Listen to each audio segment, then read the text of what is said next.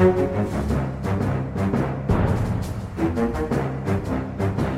ja, nei, men Da er vi i gang med en liten ekstrasending i anledning det store KrF-dramaet som har vært i dag. Det er Aftenpodden, og det er uh, meg, Lars Glomnes, og deg, Trine Eilertsen, inne fra det store utland. Ja, fra selveste Washington DC. Det var jo kjempegod timing på denne turen. Men det er jo et mellomvalg her i USA som er langt mindre spennende enn det som skjer uh, i Norge.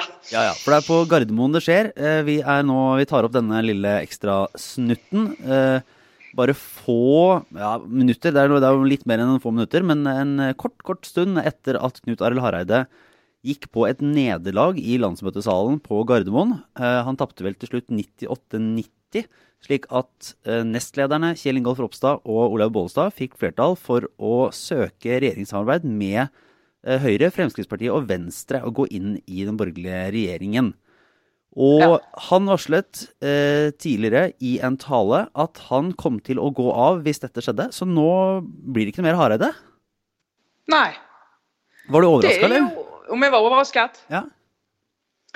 Nei, jeg var ikke overrasket over at han uh, valgte å gå av når det ble dette resultatet. Han har jo lagt hele seg, sin sjel og sin kropp holdt jeg på å si, i, i det andre i det andre retningsvalget. Det, så, det, ville vært helt umulig å gå videre som leder.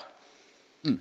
Men det var jo litt, jeg må si, det kan jo ha, det var jo på en måte ikke overraskende. Og det hadde jo lekket ut i løpet av den siste uka at, at hans eh, posisjon sto på spill. Eh, og det var helt sikkert også delvis bevisst at det skulle komme fram. Sånn at delegatene fikk litt tid til å bearbeide at, at det var sånn. Men det var jo likevel noe ganske Det var noe spennende og for politisk interesserte veldig intenst ved å se Knut Arild Harde stå der i talen som han bygde opp med, eh, med litt sånn veivalgsretorikk som han har gjort tidligere også, der han snakket om hva, vil, hva han på en måte kan finne på, på venstresiden og hva han ikke vil ha med høyresiden. Uh, og man hørte den jo og tenkte underveis, uh, som jeg også tvitra på et tidspunkt, sånn, det er vanskelig for han å fortsette etter den talen og skulle søke samarbeid med høyresiden. Og så kommer han jo ja. til da liksom høydepunktet der han sier at Eh, at han har eh, prøvd å gjøre dette til et politikkvalg og ikke et personvalg, og derfor har han ikke villet si noe om sin posisjon før nå, men han må gjøre det klart for eh, partifellene, også i landsmøtesalen, at han ikke kan sitte som leder og være kaptein på laget, var vel det uttrykket han brukte, og ta partiet inn i forhandlinger med Fremskrittspartiet. Ja. Og det er, jo, det er jo Altså, jeg var jo overrasket over at han sa det før avstemningen. Det må jeg jo si. fordi jeg har liksom jeg har snakket eh, med en del i partiet som mener at det ville være å, å, å trekke lederdiskusjonen inn i potten, på en måte. At folk skulle forholde seg til det også. Eh, så de mener selv, Og dessuten hadde det lekket ut på forhånd, så alle burde vite og forstå det.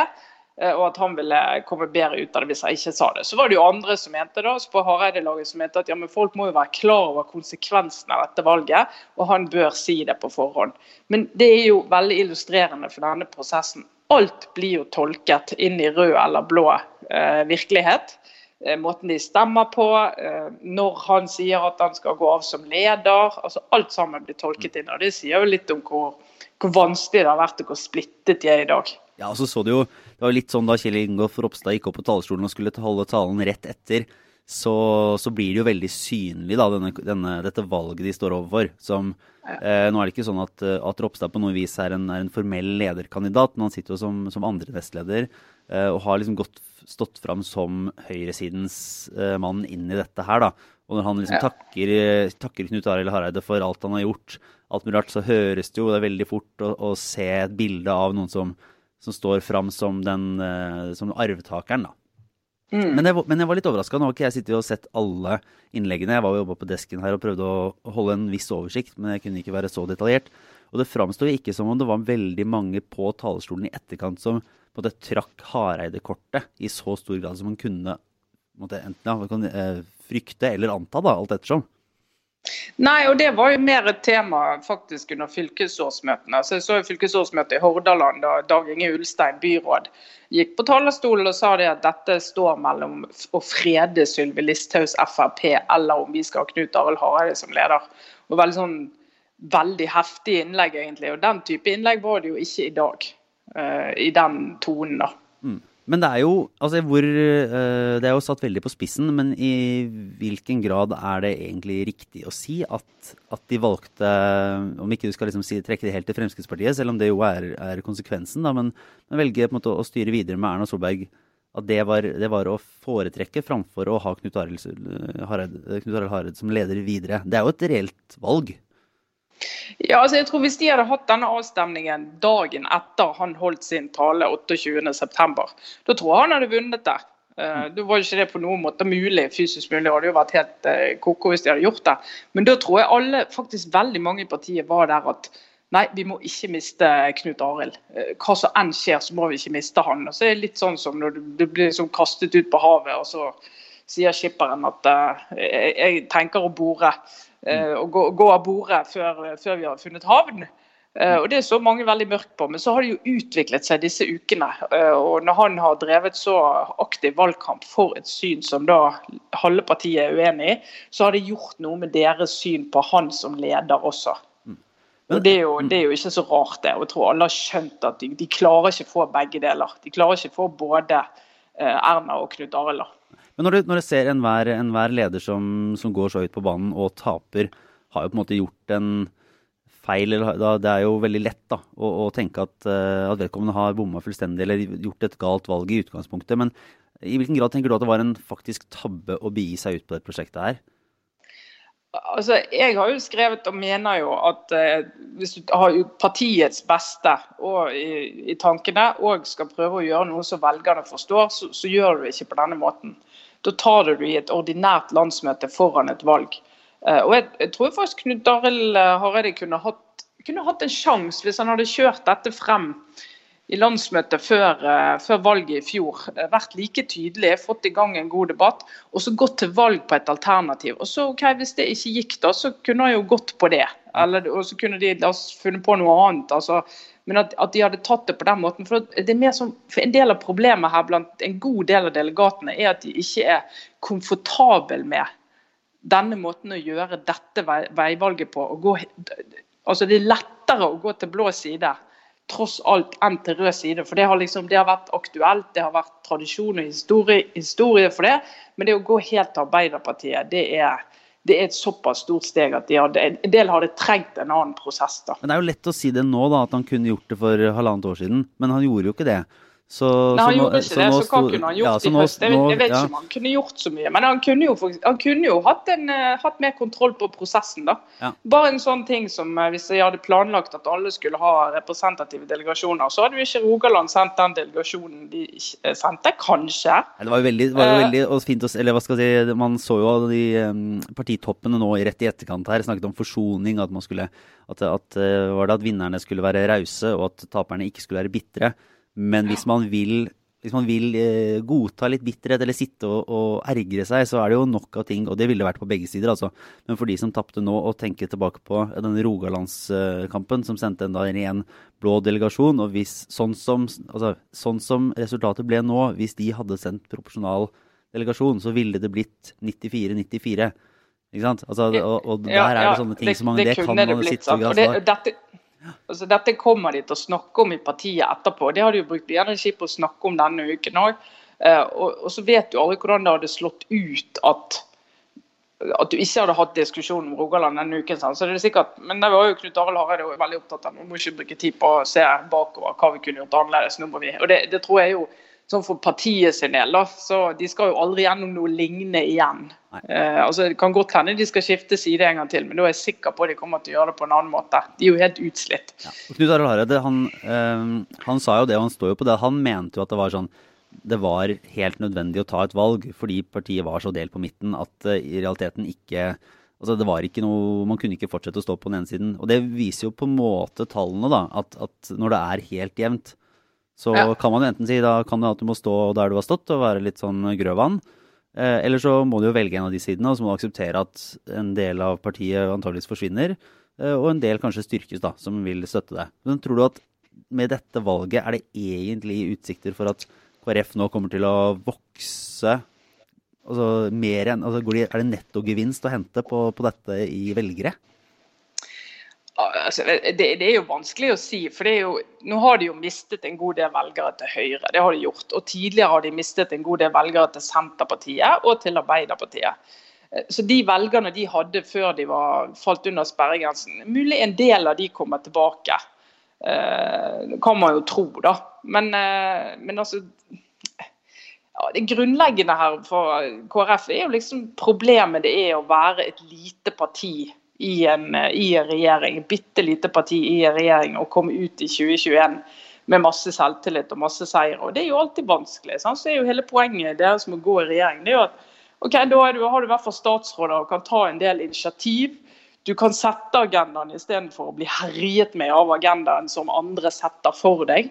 Sånn at du får en annen ro. da. Og så får de jo en en diskusjon inne i regjeringen som helt sikkert blir vanskelig. Men når de legger frem statsbudsjett f.eks., så vil de, vil de, slippe disse her rundene sine flertallsregjeringer i Stortinget, hvor de skal rase mot budsjett og reparere ting som regjeringen har foreslått. Så de er nødt til å rette opp før de kan forhandle om det de vil ha gjennomslag for. Så, men det er jo hele spørsmålet er jo hvor synlig greier de å bli i den konstellasjonen. da. Er det da med Det er jo ikke sånn at Venstre sitter og De, de, de er ikke i nærheten, og de nikker ikke på 10% på målingene, de heller, etter et uh, snaut år i regjering? Nei, altså Venstre har jo sittet som uh, juniorpartner i en mindretallsregjering. Og på å si vanskeligere går det jo nesten ikke an å, å ha det. sant? Og de har jo ikke de har jo vært helt usynlige på både målinger og egentlig politisk siden de gikk inn i regjering. Så KrF må jo ha en en plan om å markere seg på en annen måte enn det. da. Men, her, Men det jo, ja. nå skal de jo forhandle, da. Og det er jo en forhandling eh, Man vet jo aldri hvordan den ender heller. Og så er det eh, Kjell Ingolf Ropstad, da, som han har jo seilt opp som favoritt nå.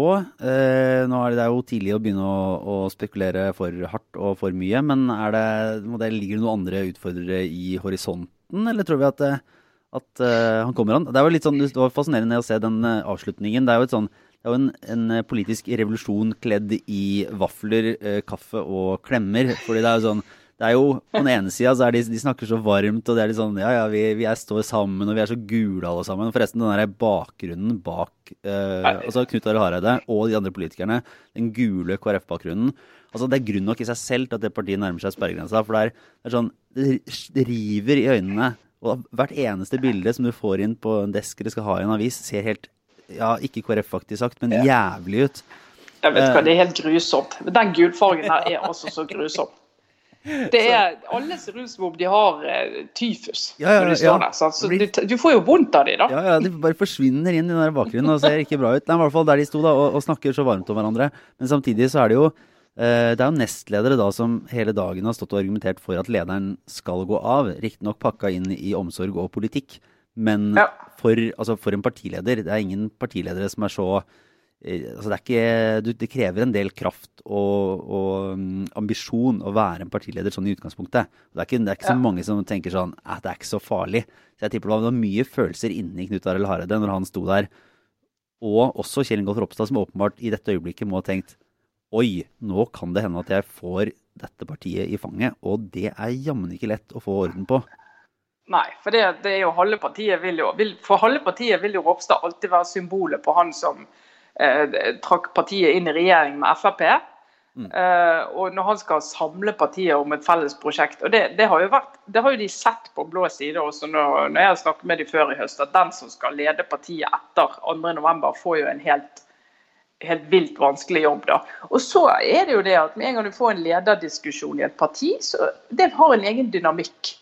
Eh, og Det som skjer av og til med partier som er i litt sånn krise, det er jo at de finner, eh, og som har fløyer eh, som er veldig markante, det er jo at de finner kompromisskandidater som leder partiet i en overgangsperiode mens de samler seg. Så altså, Jeg tror ikke vi skal ta for gitt at Kjell Ingolf Ropstad blir den neste lederen i, i KrF. Jeg tror det er mange som nå begynner å, og snakke om Og i hvert fall åpne opp litt da, for å ha en reell diskusjon om hvem det skal bli. Mm. Men eh, vi kan jo bare runde av denne korte lille biten med å se litt på det som vel er kveldens absolutte dronning. For Erna Solberg, altså statsministeren som på en måte går på lille smell, lille smell. Det ser utenkelig ut. Hun snakka om i 2013 hun ville ha alle de fire borgerlige partiene sammen. Holdt på med dette i, i ti år. Og nå Altså, det så umulig ut å få med seg Venstre. Det så umulig ut å få med seg KrF. Nå ser det ut til at hun kan sitte der om få uker og ha hele gjengen inne på kontoret det, det, er jo, det, altså, Hadde jeg vært Erna Solberg sine folk, så hadde jeg gravd frem alle kommentarene skrevet av sånne som meg. Der vi det er et par gamle podkaster også. ja. Nå er Erna Solbergs firepartidrøm død og begravet. Jeg er sikker på at jeg har skrevet det, og jeg er ikke alene. Jeg tror Arne Strand har en sånn 40-50 stykker han har liggende på et, eh, på et gammelt kott. Ja, vet du, det, det, det, må jeg si. Altså, Erna Solberg, Hvis ikke hun tar seg et glass vin i kveld, så kan hun aldri gjøre det. For det, men det er jo Ja veldig fascinerende. at uh, hun, hun, er jo der, kommer ut som den store vinneren her, da. Har fått sin store drøm oppfylt. Men det blir jo ikke lett. Altså Per Sandberg, som er ingen dårlig politisk analytiker oppi det hele, når han snakker om uh, politikk, norsk politikk og ikke Iran og sånt. ja. Det var gøy å undre har nyfunnen erfaring om, om, handel med og dialog med det iranske presteregimet. Det er ja, ja, Absolutt, ja. jeg skal lytte. Når, men jeg synes foreløpig syns han snakker mer interessant om eh, Frp sin uh, sin posisjon i en regjering der eh, altså, de blir jo mer og mer vannet ut. Altså, det er jo en grunn til at Erna Solberg har lyst til å ha KrF i regjering. Det eneste det er åpenbart at det blir flertallsregjering, og da blir det mye ro eh, i utgangspunktet. Eh, sammenlignet med å herje rundt på Stortinget. Eh, men det andre er jo at Erna Solberg er jo komfortabel med at regjeringens tyngdepunkt flyttes mer mot venstre, også mot sentrum. Mm. Og Frp er jo de da som vil oppleve å måtte gi en god del sånne rene, blanke seire til eh, KrF for at de skal kunne legitimere at de går inn. Og som Per Sandberg sier, vi har ikke så mye mer å gå på. Vi måtte gi mye rar politikk til Venstre, og nå må vi gjøre det en gang til. Det har ikke gått et år engang. Uh, og du vil kanskje få en diskusjon i Frp òg om er det verdt det. sant? De, jo, de har tre år på seg før de skal inn i en ny valgkamp. og Kanskje det er der det kommer mest gnikk fremover. Hvem vet? Ja, det blir jo, Men eh, skal si, er det, det er et uh, journalistisk Om ikke et antiklimaks, så er det, det, er jo, det, er jo veldig, det er jo spennende når en partileder går av og et nytt parti skal inn i en regjering.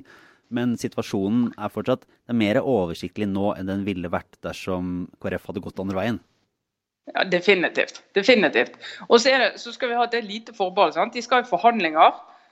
Og det må vi finne ut av. Hvis de av en eller annen grunn ikke blir til noe. Altså Hvis ikke KrF får noe på abort f.eks., som jo Det har jo blå side i partiet egentlig brukt som en sånn sak som har fremstått nesten som et ultimatum. Men det er en sak hvor det er også vanskelig for Erna Solberg å bare gi noe. For det er jo det er bare hun og noen til i Høyre som mener det der. Eh, så kan du jo risikere at du får en sånn 'jøss, vil vi det her', egentlig. Så altså, ja en forhandling. Du vet ikke utfallet av den, altså. Nei, nei, du hørte jo Knut Arild Hareide på i et intervju her nå rett i etterkant av, av, avklaringen, så sa han jo det at nei, dersom det ikke blir en avtale, så står jo han klar. Og da, da har ikke han gått av som leder. Uh, ja, og det, og det, er veldig interessant. sant? Han sier jo det sitter til en avtale eventuelt blir klar. Mm. Og hvis de, Det de har sagt er at de skal i regjering, de har valgt vekk at de ikke skal i regjering. Så da kan jo faktisk komme i en situasjon der de skal forhandle andre veien likevel. Men det er vel også, øh, hvis en skal være også for, som partistrategisk for KrF og KrFs interesser, så er det vel en fordel å ha en eller annen form for retrettmulighet. Sånn at ikke Erna Solberg og, og de andre i regjeringen bare kan altså, kan ja. gi dem et eller annet. Det, det, de må det, ha et eller annet å si sånn Nei, men det kan i teorien hende at vi går en annen vei. Så dere må gi oss noe. Kan ikke bare kaste noen småbiter og, og, og inn? Det har jo vært et argument fra blå side òg. At vi kan ikke bare si at vi skal forhandle med Arbeiderpartiet og Senterpartiet, og ikke med Erna Solberg. for da har vi et bitte lite forhandlingsrom vi er nødt til å bli enige. Vi er nødt til å starte, er jo formuleringen de har, begynt, uh, har brukt. Vi må starte med å forhandle til Høyre, og så får vi se. For da har vi, og da er det jo nettopp for å ha den der uh, muligheten for at går det ikke, så vender vi oss en annen vei. Men det ser vel ikke sånn veldig sannsynlig ut nå. Men du, eh, vi skal vel eh, egentlig runde av. Du skal videre rundt i eh, Washington. Jeg tror, ja. Har du låst deg ute på en gang? Du er inne i et kott ja, eller et eller annet? Ja, det jeg har gjort Jeg skulle gå ut et sted og snakke hvor jeg kunne snakke i fred, så jeg gikk ut i trappeoppgang. Og nå er døren låst, så jeg kommer ikke inn igjen her jeg skal. Så nå er jeg litt så spent på om jeg overhodet kommer ut herfra. Ja, Nei, men da skal, jeg, skal i hvert fall, de skal overlate det til, til deg, og så skal, så skal, jeg ut i helgen. Og så er vi jo Vi ses jo i USA snart, fordi Sara og jeg reiser etter på søndag og skal henge litt rundt der. Så da kommer det noen podkaster fra, fra Uniten og det valget som skal skje der på tirsdag, og litt sånn annet i, i det politiske landet som, som, også byr på mye snadder og skremmende ting om dagen. Det er veldig spennende, det kan jeg bare si. Ja, Så uh, du får ha lykke til med å komme deg ut av gangen, og så skal vi få lagt dette på lufta. Uh, takk skal du ha, Trine Eilertsen. Jeg er Lars Glomnes. Ha det bra.